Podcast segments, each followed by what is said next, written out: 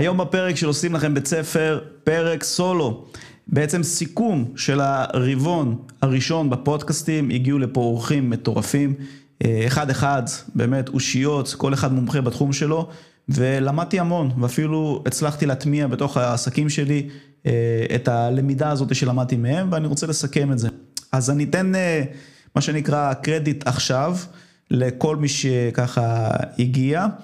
אה, לפודקאסטים ותרם, ואחר כך נעשה את זה בפלואו. אז היה לנו פה את עמרי כהן, כן, שהוא בעצם, אה, המומחיות שלו זה להיות יזם, את אה, דוקטור עודד קרפצ'יק, שהוא חוסן מנטלי, ממש נתן שם כלים לאיך לעבור משברים ואתגרים בצורה ככה יעילה, בן יאבט, שהוא מומחה למפת מסע הלקוח.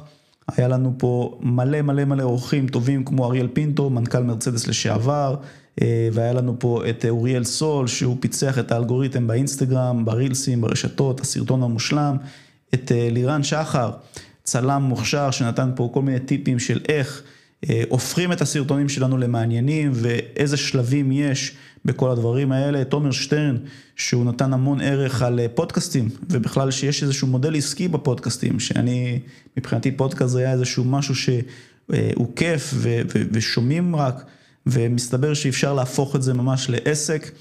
אה, היה פה עוד המון המון המון אה, תכנים מעולים, כמו אה, שלומי ליבוביץ', שהוא נתן דווקא מכירות בזמן משבר, הוא הגיע במלחמה, אבל שם הוא נתן תובנות ממכירות בכיוון הזה. היה פה כל כך הרבה אורחים, אבל נראה לי שאלה האנשים שאנחנו ככה נתמקד בתוכן שהם הביאו. אז נתחיל מעמרי כהן. עמרי כהן, מועדון היזמים ועוד כמה חברות. אה, יזם, כן, זה המומחיות שלו, והוא, מה שמעניין אצל עמרי כהן זה שהוא הגיע לפה, והוא הביא איתו את כל הקהילה שלו. ואני אסביר מה הכוונה. ברגע שעלה הפרק, ממש עשינו איזשהו סטורי, אה, ואז אחר כך איזשהו רילס משותף, ועלה הפרק לכל מיני פלטפורמות, וזה פשוט אה, ניפח את כל השאר הפרקים. זאת אומרת, אנשים הגיעו בעקבות, בעקבותיו, בעקבות זה שהם רצו לשמוע את התוכן האיכותי שלו, אבל הם גם נשארו והם האזינו לכל מיני דברים אחרים, וממש אפשר לראות את זה, מי שמחובר למספרים, לאנליטיק, אז הוא יכול לראות את זה שכשמגיע אה, בן אדם חזק עם קהילה חזקה, ולא דיברנו בכלל על קהילה, שזה מה שמעניין, אז אה, זה משפיע על כל האלגוריתם עצמו של כל הפלטפורמות, בסדר? אה, עמרי בעצם הוא נתן ערך למה זה להיות יזם, מה ההבדל בין עצמאי לבעל עסק ליזם, ויש המון הבדלים, ואיך אפשר לפתח מספר עסקים, האם זה בכלל אפשרי, האם זה מתאים לכולם, ובאיזה שלב אה, אפשר לפתח את העסק הנוסף. אז רגע לפני שאני מסכם רגע את הפודקאסט של עמרי, אה, באמת, אני רוצה רגע להסתכל על מה שלא נאמר בפודקאסט.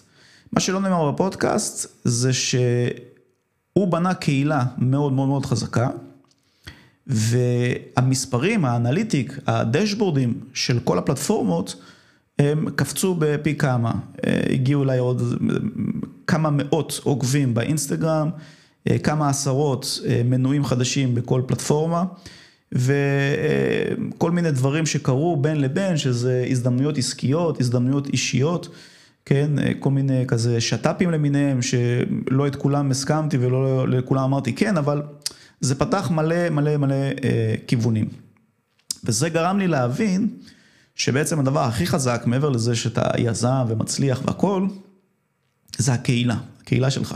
בעצם ברגע שיש לך קהילה חזקה, אז אה, זה, זה כלי אדיר, וזה גם ההזדמנות שלי לשאול אתכם, אם אתם מכירים מישהו, שהוא חזק בבניית קהילה, ואם כן, אז תגיבו לי, בין אם זה ברשתות או בפרטי, ואז אני ככה רוצה לתחקר את הנושא הזה. אז אה, חזרה לעמרי כהן וליזמות. אז להיות יזם, בעצם, מה שאני מבין מהפרק הזה, זה בשפה פשוטה, להקים ולהצמיח עסקים. וברגע שמבינים את זה, אז הבנייה של היזמות, תוביל אותנו ישירות לזה שאני מפטר את עצמי כמה שיותר מהר מכל תפקיד. זאת אומרת, כן, אני מפשט את זה עוד יותר, אם לצורך הדוגמה יש לי, פתחתי עכשיו מסעדה, אז אני, ביום הראשון של המסעדה, אני עושה הכל. אני גם המארחת, וגם המלצר, וגם השוטף כלים, וגם המנכ"ל, וגם הכספים, וגם השף, וגם הכל. ואת כל התפקידים האלה אני רוצה למצוא מישהו שיעשה את התפקיד במקומי יותר טוב ממני, ואני מפטר את עצמי כל פעם מתפקיד. עכשיו בואו ניקח דוגמה מסוימת. נגיד ואני פותח עסק חדש, אגב ניסיתי את זה, אז אני לוקח דוגמה אה, אמיתית, ושאני נותן אה, שירות שהחדר פודקאסט הזה, אנחנו מקיימים בו אה, חבילת סרטונים והפקת פודקאסטים. ואם אני צריך לפשט את התהליכים, אז יש לי פה כל מיני דברים. יש לי פה את נושא של המיתוג, שיווק, מכירות, ביצוע, כן, כספים, ניהול, וכל ה... כל מה שיש בכל עסק. אז בשלב הראשון, אני פשוט עושה הכל. בסדר? כמו המטאפורה שנתתי של הבעל מסעדה. ממש מהכניסה ועד המנה ועד השטיפת כלים והכל. אני הראשון שמגיע לעסק והאחרון שעוזב. במקרה של החדר פודקאסטים הזה, אז נגיד שעכשיו עשיתי איזשהו שיווק, ואגב עשיתי שיווק, עשיתי שיווק בכיוון של שלושה סרטונים ראשונים אה, ללא עלות, והסברתי שם שזה אה, one shot. ואז אנשים הגיעו באמת מאות אם לא אלפי פניות, והסברתי להם שהם יכולים להגיע לרבע שעה זמן אולפן, וזה נתן להם איזושהי טעימה. והדבר הזה גרם לאיזשהו מבול של פניות, ועל הדרך כבר מכרתי לאנשים שרצו משהו טיפה יותר מקצועי, שלא הסתפקו ברבע שעה ושלושה סרטונים, אז זה פתח לי איזשהו אה, פיתוי מסוים. היום אני כבר לא עושה את זה, אבל הרעיון הוא שברגע שפיצחתי את השלב של השיווק, אז אני יכול להביא את זה למישהו אחר, ואני אתעסק בשלב השני, שלב של המכירות. ברגע שגם פיצחתי את המתכון של המכירות, כן, ויש לי עכשיו שיווק ומכירות, אז אני גם את זה נותן למישהו אחר. אממה, ברגע שאני מתחיל לחלק תפקידים לאנשים, אז מה שקורה זה שאחוזי הרווחיות שלי מתחילים לרדת, כי בעצם נהיה לי הרבה יותר שותפים לתוך העשייה. וזה בסדר גמור, זאת אומרת, זה משהו שצריך לקחת בחשבון, וטוב שזה יקרה, אה, כי אם אני רוצה להרוויח 100% מהכסף, אז זה בהכרח אומר שאני אצטרך לתת 100% מהזמן. ותמיד המדד פה הוא כמה זמן אני רוצה לתת מול כמה כסף אני רוצה להרוויח. ואני אומר לכם, מניסיון אישי, שעדיף שתהיו לא מעורבים בכלל בזמן, ותרוויחו, ותרוויחו 10 אחוזים, 20 אחוזים, אבל שיהיה לכם כל הזמן אה, אה, פנוי. כל זמן שהזמן שלכם פנוי, אז יש לכם אפשרות לפתח את היזמות הבאה. והשאלה שנשאלת ישר זה, איזה משאב יותר יקר? זמן או כסף? ואני אומר חד משמעית שזמן, כן? אה, כי אם ניקח איזשהו מקרה קיצון, שאיזה מישהו מאוד עשיר, שיש לו המון כסף בבנק, ועכשיו הוא צריך איזשהו אה, מקרה כזה או אחר, רפואי, הוא יהיה מוכן לוותר על כל הכסף שלו, כדי שיהיה לו עוד זמן לחיות בחיים. עוד אה, הוכחה לזה שכסף אפשר להשיג בכל מיני דרכים. אפשר להשיג בעבודה, אפשר להשיג בהלוואה, אפשר להשיג במכירה של דברים, בעסק. זמן אי אפשר להשיג. אמנם אי אפשר להשיג זמן נוסף, אבל אפשר לקנות זמן של מישהו אחר. וזה מביא אותנו לנושא השני שדיברנו עם אה, עמרי, שזה בעצם כל הנושא הזה של הייעוץ העסקי. אה, הצורה הפשוטה ביותר לפרש מה זה ייעוץ עסקי זה בעצם קיצור זמן, קיצור דרך, כן? ואתן לכם דוגמה מה, אה, מהייעוץ העסקי שאני עושה. אני עושה ליווי עסקי מאוד נקודתי, מאוד ספציפית, בכלל לא מתאים לכולם. אני מלווה ספקים. שרוצים להיכנס אה, לאחד מהעסקים שיש לי. כן, אני ספק של מערכת החינוך, זה נקרא ספקי גפן, גמישות פדגוגית ניהולית, ושם אנחנו נהנים מתקציב של 2.5 מיליארד שקלים בשנה, והליווי שלי אה, עולה 100 אלף שקלים. עכשיו, מי ששומע את הסכום הזה בהתחלה, אז הוא ישר כאילו קופץ לו כל מיני, איזה מחיר מוגזם, שרלטן, גנב וכל מיני שמות גנאי כאלה ש... כן, שצריך לפתח איזשהו אור של פי כדי לסנן את הרעש הזה. ואלה שמצליחים לעבור את הסקפטיות ומסתקרנים ושואלים, מה זה כולל? למה, למה זה המחיר? כאילו, מה, מה הסיבה? לה... מגלים שבעצם אני עושה ליווי מאוד ספציפי, מאוד נקודתי, ושלקוח אחד יכול להגיע לחצי מיליון שקל בשנה. עשרה חודשים, ספטמבר עד יוני כולל, סביבות ה-50 אלף שקל בחודש זה לקוח פוטנציאלי אחד. ואז פתאום זה כאילו 100 אלף שקלים, זה רק חודשיים של עבודה מלקוח אחד. אבל מה קורה אם יש לך 20, 30, 40, 100 לקוחות, כמו במקרה שלי, אה, אז, אז השמה, השמיים הגבול. והאם אותו בן אדם יכול להגיע למה שאני מציע לו לבד? כן, חד משמעית. הוא לא חייב לשלם את הכסף כדי להגיע ללקוח הזה. מה שכן, הוא יצטרך לפצח את זה. והפיצוח הזה יעלה לו לא בכסף, יעלה לו בזמן. זאת אומרת, הוא יצטרך לעשות את הדרך לעצמו, שזה בסדר גמור, רק הוא יכול גם לקנות את הזמן שלי. מעבר לזמן שאני מלווה אותו עסקית, או שאומרים מלווה במועדון היזמים, יותר נכון היועצים שלהם מלווים, מעבר לזמן האישי הזה, של אותו בן אדם שנותן שירות, זה יותר הזמן של הקיצור דרך, הזמן שלקח בשביל לפצח בעצם את הנוסחה, שיכולה להביא אותי למקום מ-A ל-B בזמן יותר קצר. אז אה, זה שני הדברים שבעיקר שם דיברנו עליהם. כמובן שפרק מדהים, ממליץ לכם אה, להקשיב לו.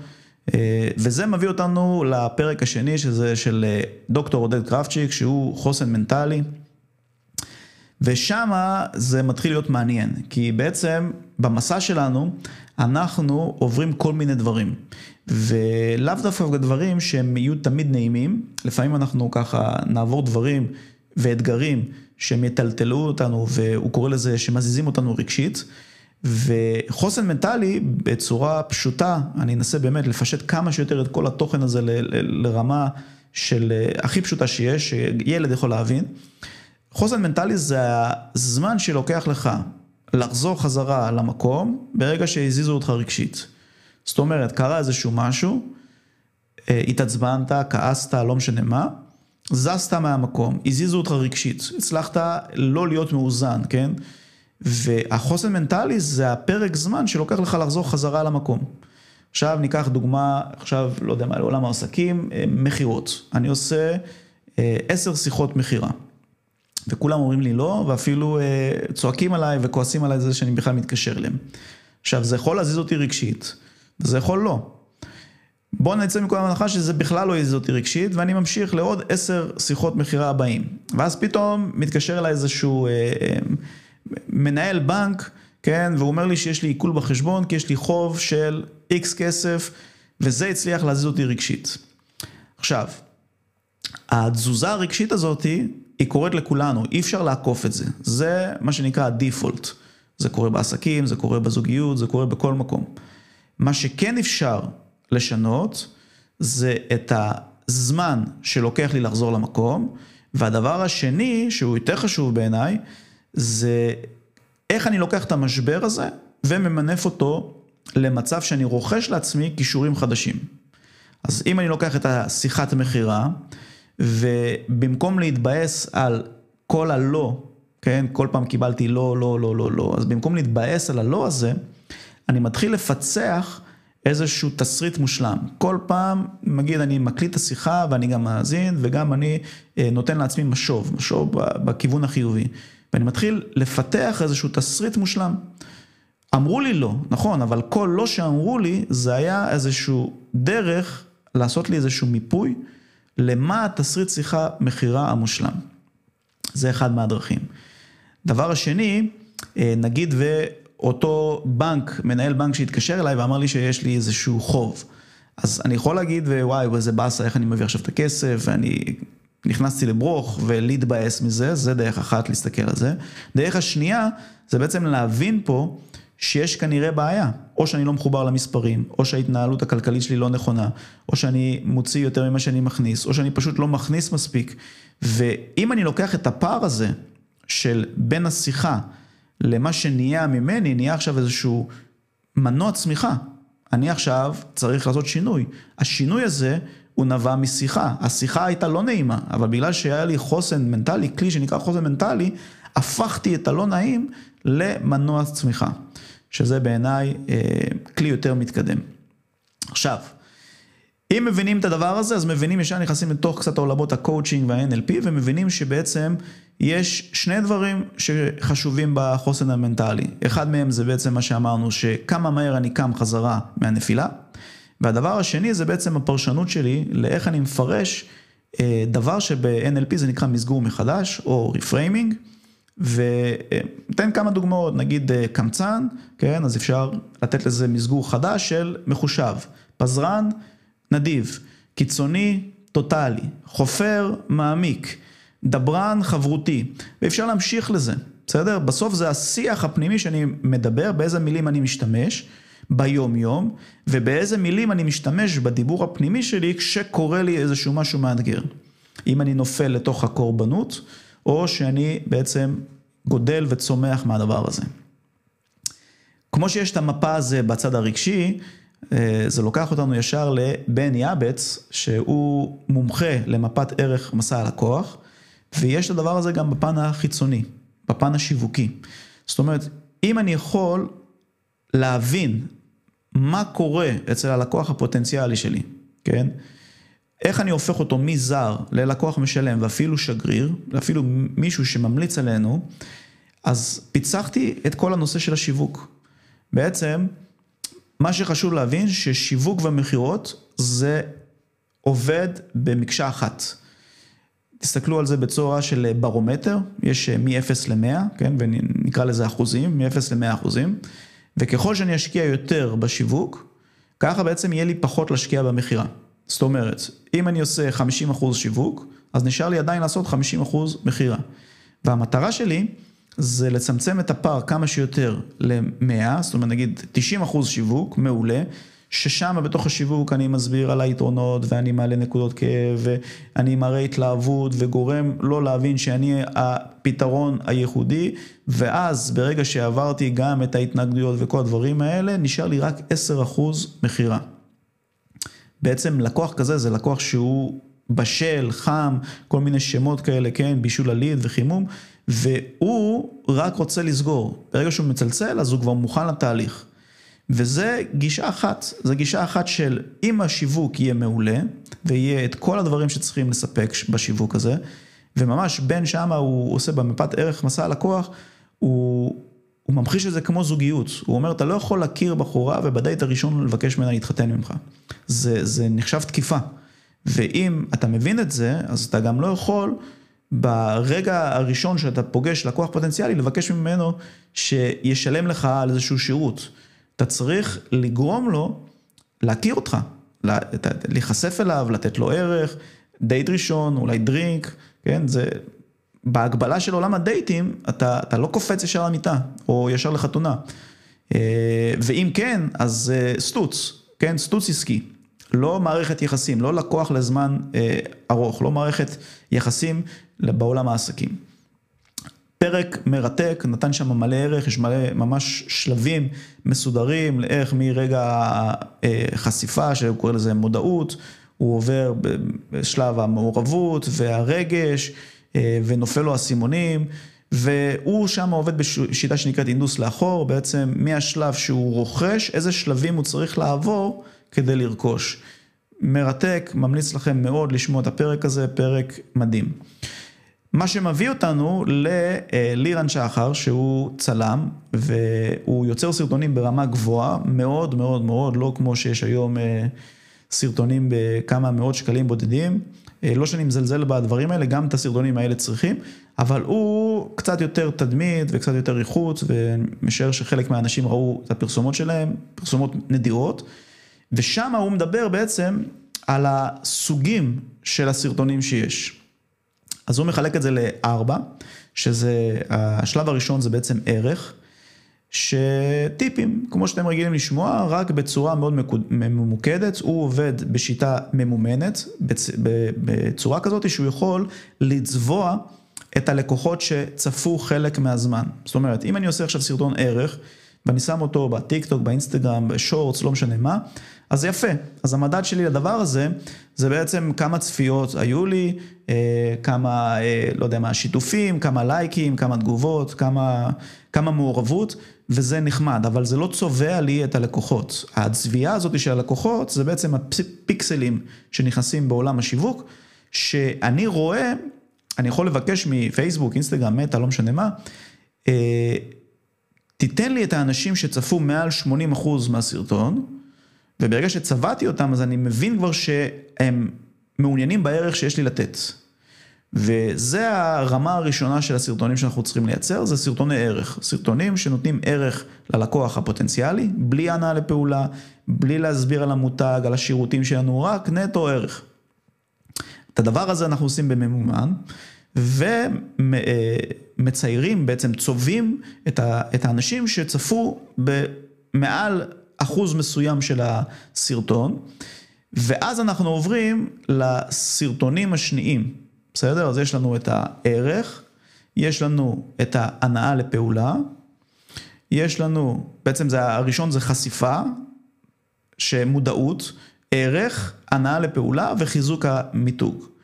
זאת אומרת, בפעם הראשונה שאני יוצא לאור, אני צובע את הלקוחות, בפעם השנייה אני ממשיך לטפח ונותן להם ערך, אני מחזק את הקשר, בפעם השלישית ב re-marketing, כן, זה בעצם אני רוצה לשווק אותם, אני משער שכל מי ששומע פה פודקאסטים מכיר את המושגים האלה, ועדיין אני ככה קצת מנסה לפשט אותם.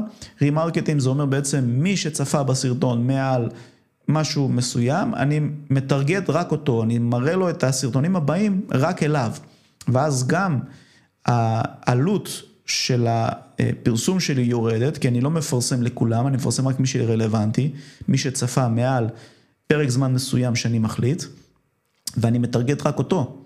אז יש לי הרבה פחות קל ועלות הפרסום יורדת. אז אני, שלב ראשון חשיפה, שלב שני ערך, שלב שלישי הנעה לפעולה כלשהי, כן? ושלב רביעי חיזוק המותג, כל מיני uh, case study או כל מיני הוכחות כאלה uh, חברתיות וכאלה ואחרות. Uh, וזה מביא אותנו לאוריאל סול, שהוא בעצם מומחה ל... סושיאל, ושמה אני באמת הוצאתי ממנו את המיץ, הוצאתי ממנו את כל ה... איך מוציאים את הסרטון המדויק, איך מתפוצצים ברשת. אז הוא התחיל בתור מנהל סושיאל, ועברו אצלו כמה מאות, אם לא אלפי עסקים, שהוא גרם להם להתפוצץ ברשת, ולי מה שהיה חשוב זה להבין איך עושים סרטון ויראלי, איך הופכים, לא משנה עכשיו באיזה קטגוריה, באיזה נישה, אם זה חשיפה, נתינת ערך, הנעה לפעולה או אה, חיזוק המותג, אני רוצה להבין מה זה רילס מושלם. ופה, יש פה כמה דברים מעניינים. ממה שאני מבין, אני, יכול להיות שאני ככה עוד יחכים בנושא וישנה את הדעה שלי, אבל נכון לעכשיו יש דבר כזה. דבר ראשון, צריך להבין שהסרטון מתחלק לשלושה חלקים. החלק הראשון זה ההוק, מ-0 עד 3 שניות בעצם לתפוס את התשומת לב. וזה יש כל מיני אוקים, יש אה, אוקים אה, קיצוניים, כן, של אה, רעש או איזה משהו ויזואלי כזה יוצא דופן, ואז בעצם בתוך הטריפ הזה שכולם גוללים, פתאום יוצא משהו, איזה צבע, רעש, לא משנה מה, אז זה אוק אחד, יש אוק חכם, בסדר? יש כל מיני אוקים, אבל בכל מקרה יש את ה-0 עד 3 שניות, זה הזמן שלוקח לי אה, לעניין את הלקוח. מה שאני מבין פה, שבדרך כלל שווה לשים את הסוף בהתחלה. למשל, אם אה, אני רוצה לספר סיפור, איזשהו case study של איך הבאתי לקוח שהכניס לי 100 אלף שקל, אז אני לא אתחיל לברבר את השכל ומצאתי אותו ככה, ועשיתי שיווק ככה, ובסוף הוא שילם לי 100 אלף שקל. לא, אני אכניס את זה ממש על ההתחלה. הלקוח הזה שילם לי 100 אלף שקלים, בואו תשמעו על מה. ו- ואז, ברגע ששמתי את הסוף בהתחלה, אז קודם כל, אה, אני תופס את כל מי שזה מעניין אותו, ואני לא מאבד אותו, כי יכול להיות שזה, היו כאלה שהבעתי אותם, וכן מעניין אותם לשמוע, אבל בגלל ששמתי את זה בסוף, אז הבעתי אותם, זה דבר ראשון. דבר שני, פתחתי שם בסקרנות, זאת אומרת, זה הכותרת, כן? ומפה אני מתחיל את הסרט. עכשיו, מה שמעניין אצל אוריאל, הוא ממש מחלק את זה לפריימים של בין 2 ל-3 שניות. זאת אומרת, הוא מסתכל על זה בצורה כזאתי, ואני אה, בודק אותו ורואה שזה באמת עובד, שכל שלוש שניות בעצם הקשב וריכוז שלנו נופל. ואני צריך כל שלוש שניות לעשות משהו, לשנות פריים, זום אין, זום אאוט, להכניס צליל מסוים, לשנות את הגודל של הכתוביות, לעשות פה איזשהו משהו. בנוסף לדבר הזה, ככה גם הוא בונה את התסריט מלכתחילה. זאת אומרת, הוא לא יוצר סרטון של 40 שניות, דקה, דקה וחצי, לא משנה מה, הוא יוצר סרטון שמחולק לחלקים של 2-3 שניות, 2-3 שניות, 2-3 שניות. וכל שורה, ממש זה פריים, זה יכול להיות באותו מקום הפריים, וזה לא משנה, אבל הוא ממש מצלם את זה, לפחות ללקוחות שלו, בצורה הזאת. 2-3 שניות, עצור, יש לי פריים אחד. 2-3 שניות, עצור. ואז אני יכול לתת 100% בדבר הזה, אני לא חייב לזכור את השורה. אני יכול, מה שנקרא, כל פעם לעצור, להבין מה השורה הבאה, להתרכז בשורה הזאת, לחשוב על איזה פריים אני רוצה, אם זה באותו מקום, מה אני עושה עם הידיים, או אולי לשנות זווית, לא לשנות זווית, וברגע שעשיתי את הדבר הזה, אז כל פריים הוא מה שנקרא מהודק, הוא ממש מושלם.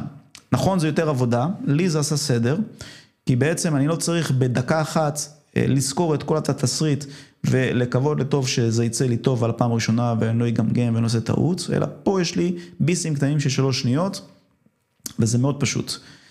אה, השלב האחרון של הסרטון זה החמש שניות, שלוש, חמש שניות, שהיא הנעה לפעולה כלשהי, במידה ואנחנו בסרטונים כבר שאנחנו, יש לנו את הקהל ובנינו וצבענו ואנחנו רוצים בעצם או שיעקבו אחרינו, או שישתפו, או שיגידו איזושהי מילה כדי שזה יגרום לאיזושהי אינטראקציה ויעלה את הזה, וזה חייב להיות מחובר לאותו סרטון.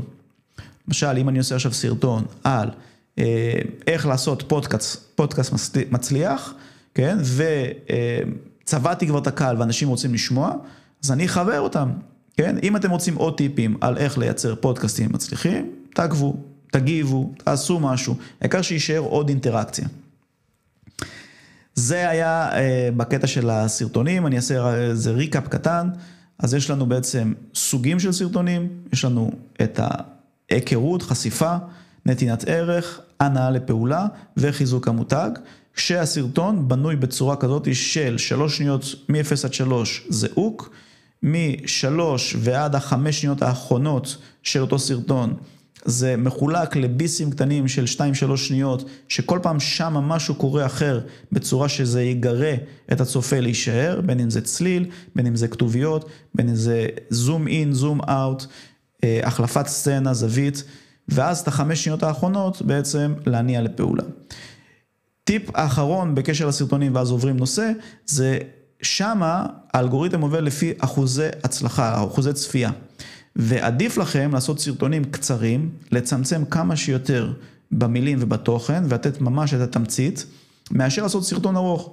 כי אם אתם מגיעים נגיד ל-80% צפייה, אז טיק טוק או אינסטגרם או שורטס, לא משנה מה, יוטיוב, הם ייתנו את ההזדמנות של עוד קהל חדש להיחשף לסרטון. כי הם אמרו, בואנה, החבר'ה האלה צפו יותר מ-80%, אז מעולה. אז טיפ האחרון זה לתמצת ולקצר כמה שיותר. גם אם נראה לכם שאתם צריכים לעשות דקה, תשתדלו לעשות חצי מזה, או 40 שניות אם לא חצי. זה מוביל אותנו לאריאל פינטו, אה, מנכ"ל לשעבר של מרצדס, שהוא הפך להיות אה, יועץ עסקי והוא מומחה בתהליכי צמיחה ובקרה. אני הבאתי אותו לפה בשביל מה שנקרא להבין איך אני עושה את המיפוי ואת הבקרה בעסק שלי. אה, ואיך אני מוציא את עצמי, כן? איך אני מוציא את עצמי ממנכ"ל החברה ליזם שבעצם עושה אה, ספר, ספר נהלים, בקרה, בקרה גם של איחוד וגם של אה, כמות, והוא מדהים כמה שהוא מפשט תהליכים, כן? שאלתי אותו למה בכלל צריך כל מיני דברים, כן? חזון, אסטרטגיה וכל הדברים האלה, ותמיד אני מקבל אצלו תשובות פשוטות. ומה שהבנתי עם אריאל פינטו, שזה אם זה מורכב מדי, אתה לא בכיוון הנכון. והדוגמה לזה, זה לדעתי הכי טובה, זה מקדונלדס. מקדונלדס זה אחת הרשתות המובילות ביותר, בכלל עסק של נדל"ן, מי שלא ראה, אה, מי שלא מבין על מה אני מדבר, שיראה את הסרט, כן? זה בכלל רשת של נדל"ן שמוכרת אה, קציצות, בשר. לא טעימות גם בעיניי, אבל לא משנה. מה שיפה במקדונלדס זה שזה כל כך פשוט, שיש ממש ספר נהלים, כל אחד יש לו את העמדה שלו, וכל ילד בן 16 מחוצ'קן יכול ללמד ילד אחר בן 16 מחוצ'קן איך להיות על העמדה.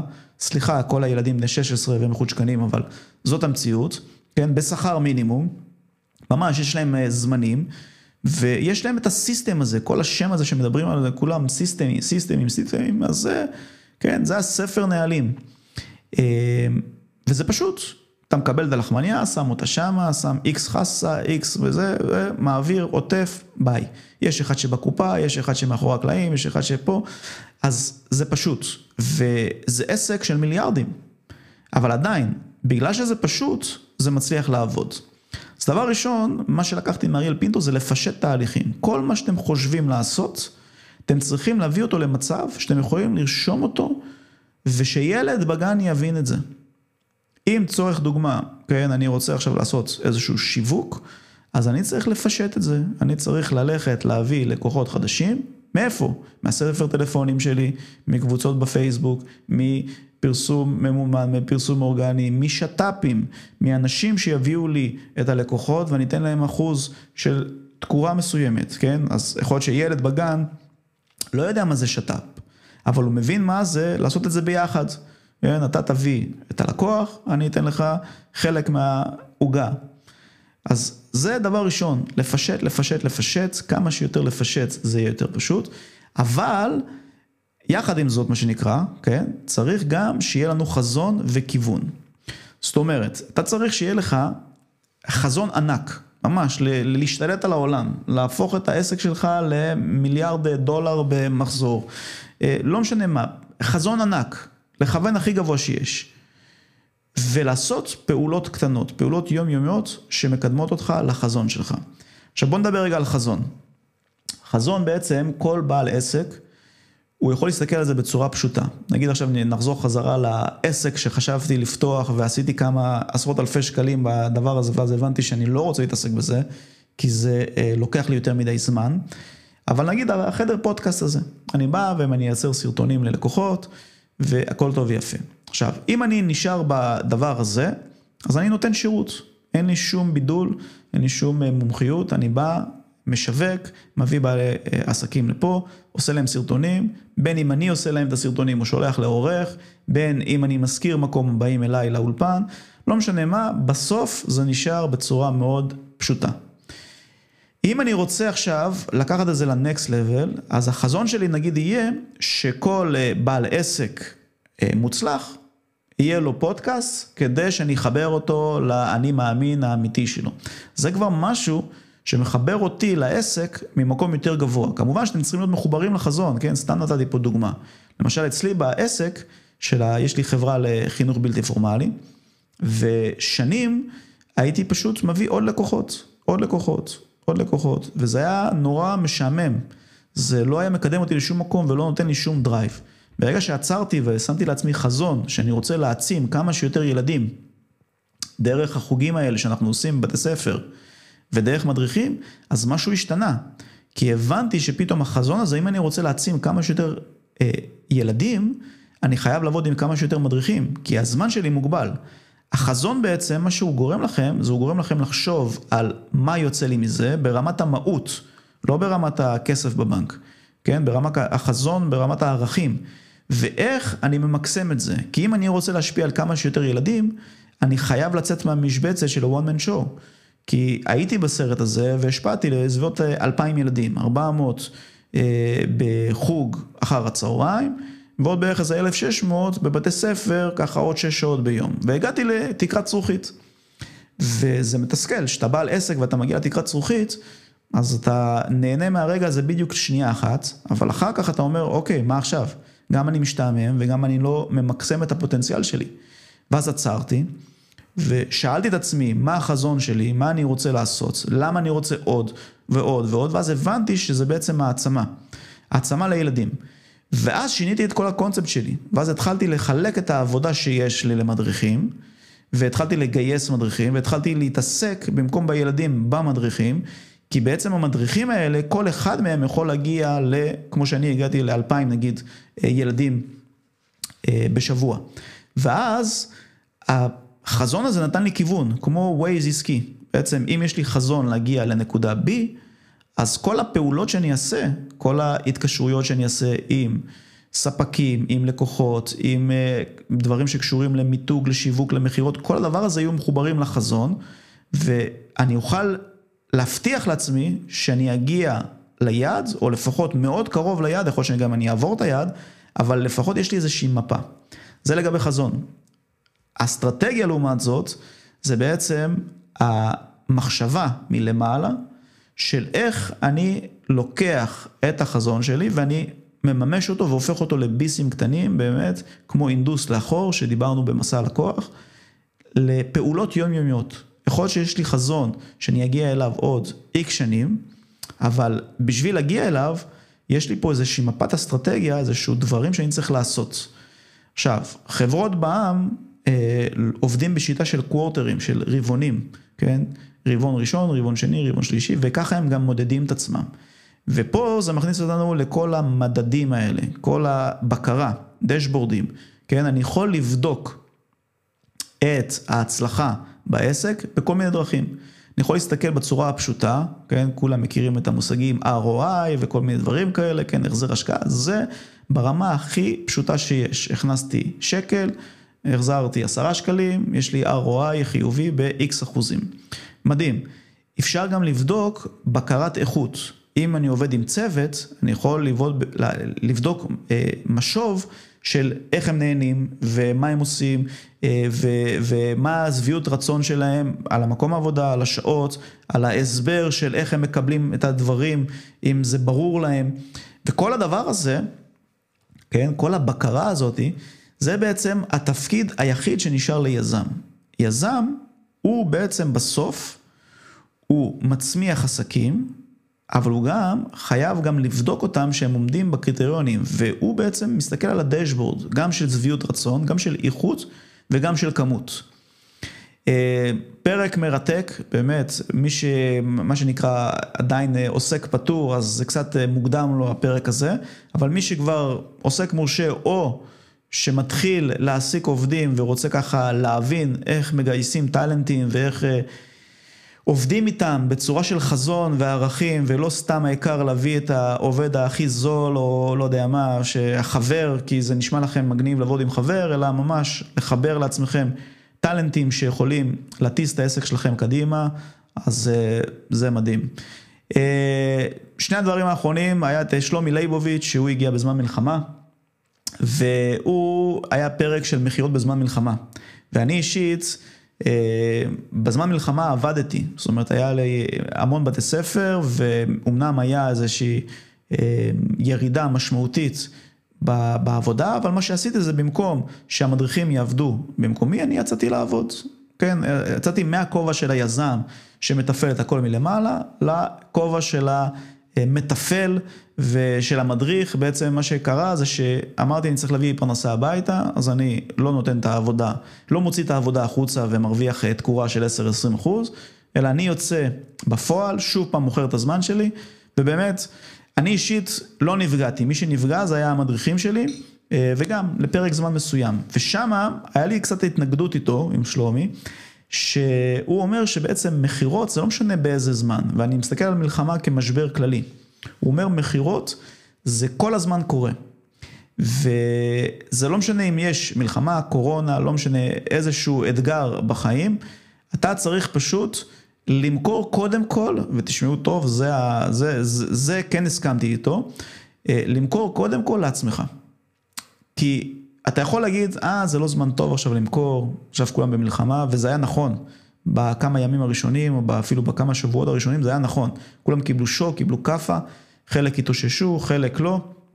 זה לא כל כך אה, כיף לעשות שיחת מכירה, שאתה לא יודע אם הלקוח שלך אה, איבד מישהו יקר, או אולי במילואים, או אולי העסק שלו בקריסה.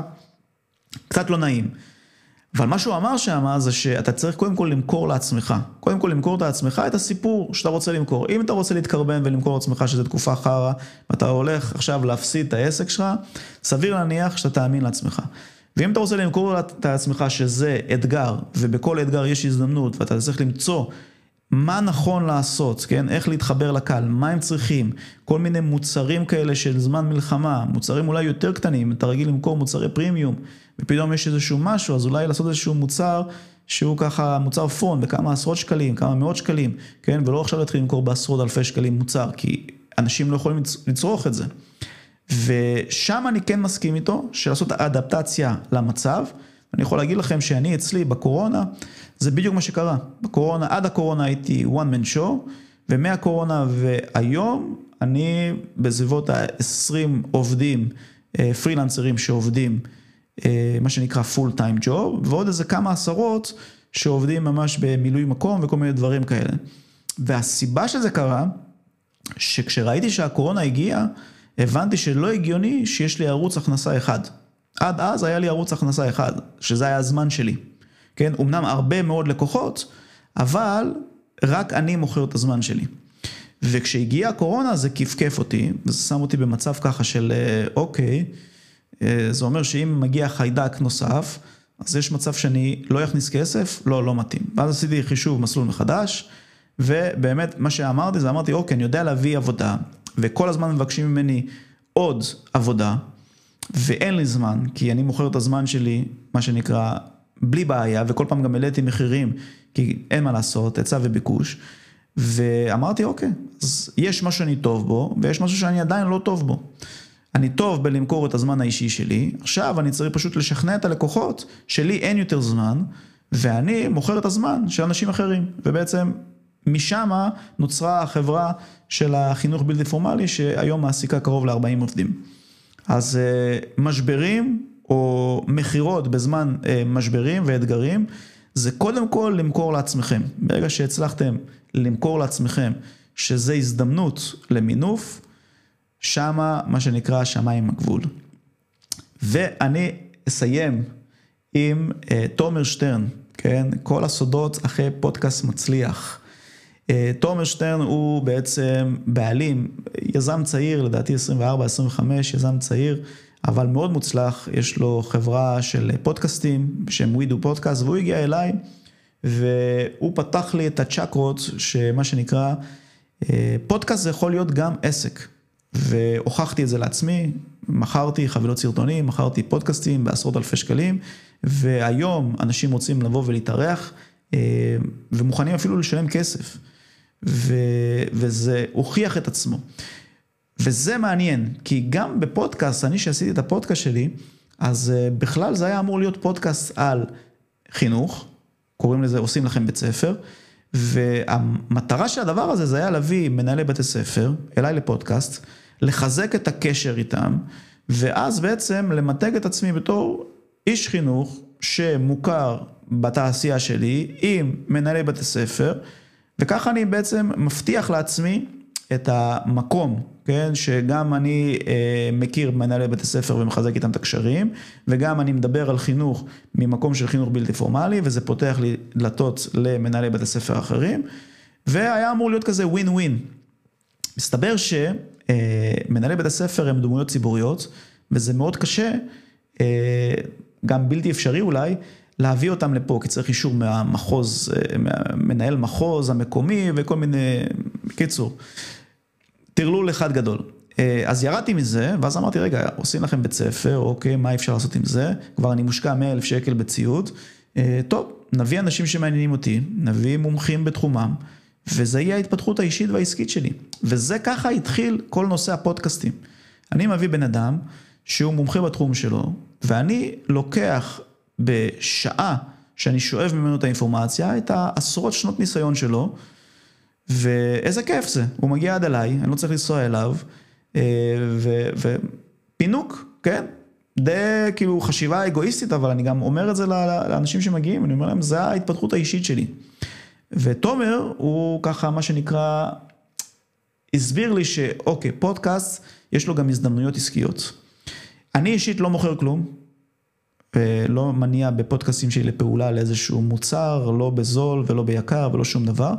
אבל אני יכול להגיד לכם שנכון לעכשיו יש איזה 15 פרקים באוויר, כמויות השת"פים שעברו לידי וכמויות הדברים שעשינו וגם כסף נכנס מהדברים האלה, היא אדירה. ובואו אני אתן לכם דוגמה הכי פשוטה שיש. אני עכשיו מארח מישהו לפודקאסט. יש את ה-small talk לפני, יש את ה-small talk אחרי. מדברים בפרק, ויוצא שאני יכול לתרום לבחור, או הוא יכול לתרום לי, ואנחנו עושים איזשהו שת"פ. למה? כי לשנינו יש זמן פנוי, ויש לנו ראש עסקי, וכבר נפגשנו. ודיברנו, והוצאנו תוכן, ועשינו הכל טוב ויפה. אבל פתאום, אותו אורח, אני לא מדבר בכלל על הקהלים, על, עליכם, שאתם שומעים את הפודקאסט, אותו אורח שהגיע, יש פה איזה כבר מקום לעשות איתו עסקים. שזה כבר אחלה.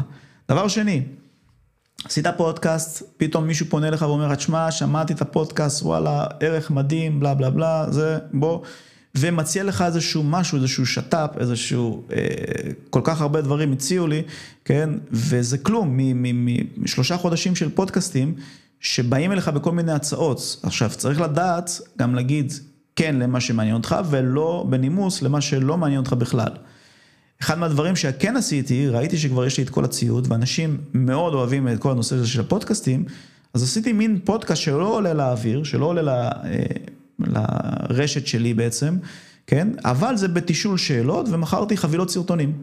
עכשיו, אני יכול להגיד לכם שכבר את ה, מה שנקרא, את הפודקאסט עצמו, את כל החדר הזה שעלה לי 100 אלף שקלים, כבר החזרתי בפחות משלושה חודשים, כן? מכל מיני דברים כאלה, אבל זה התחיל מזה שבעצם אמרו לי, תקשיב, יש לך פה כלי, שהוא כלי שיווקי מטורף. אתן לכם אה, דוגמה של, אה, שהוא נתן שם בפרק, כדי להביא אנשים לוובינר שיקשיבו לך, אתה צריך אה, לבזבז עשרות אלפי שקלים. לידים, ולתזמן את זה, ולשלוח להם הודעה, ואולי נרשמו איזה 500 אנשים, ובסוף בוובינר מגיעים איזה 80, ולא כולם נשארים עד הסוף. ובקיצור, היה לך איזה 15 אלף שקל בשביל להעביר איזשהו מסר במקרה הטוב שעה, והריטנשן לא בטוח שהוא עובד, כי זה שם הכל לחוץ, אתה מנסה למכור משהו ומרגישים את זה, בפודקאסט לא.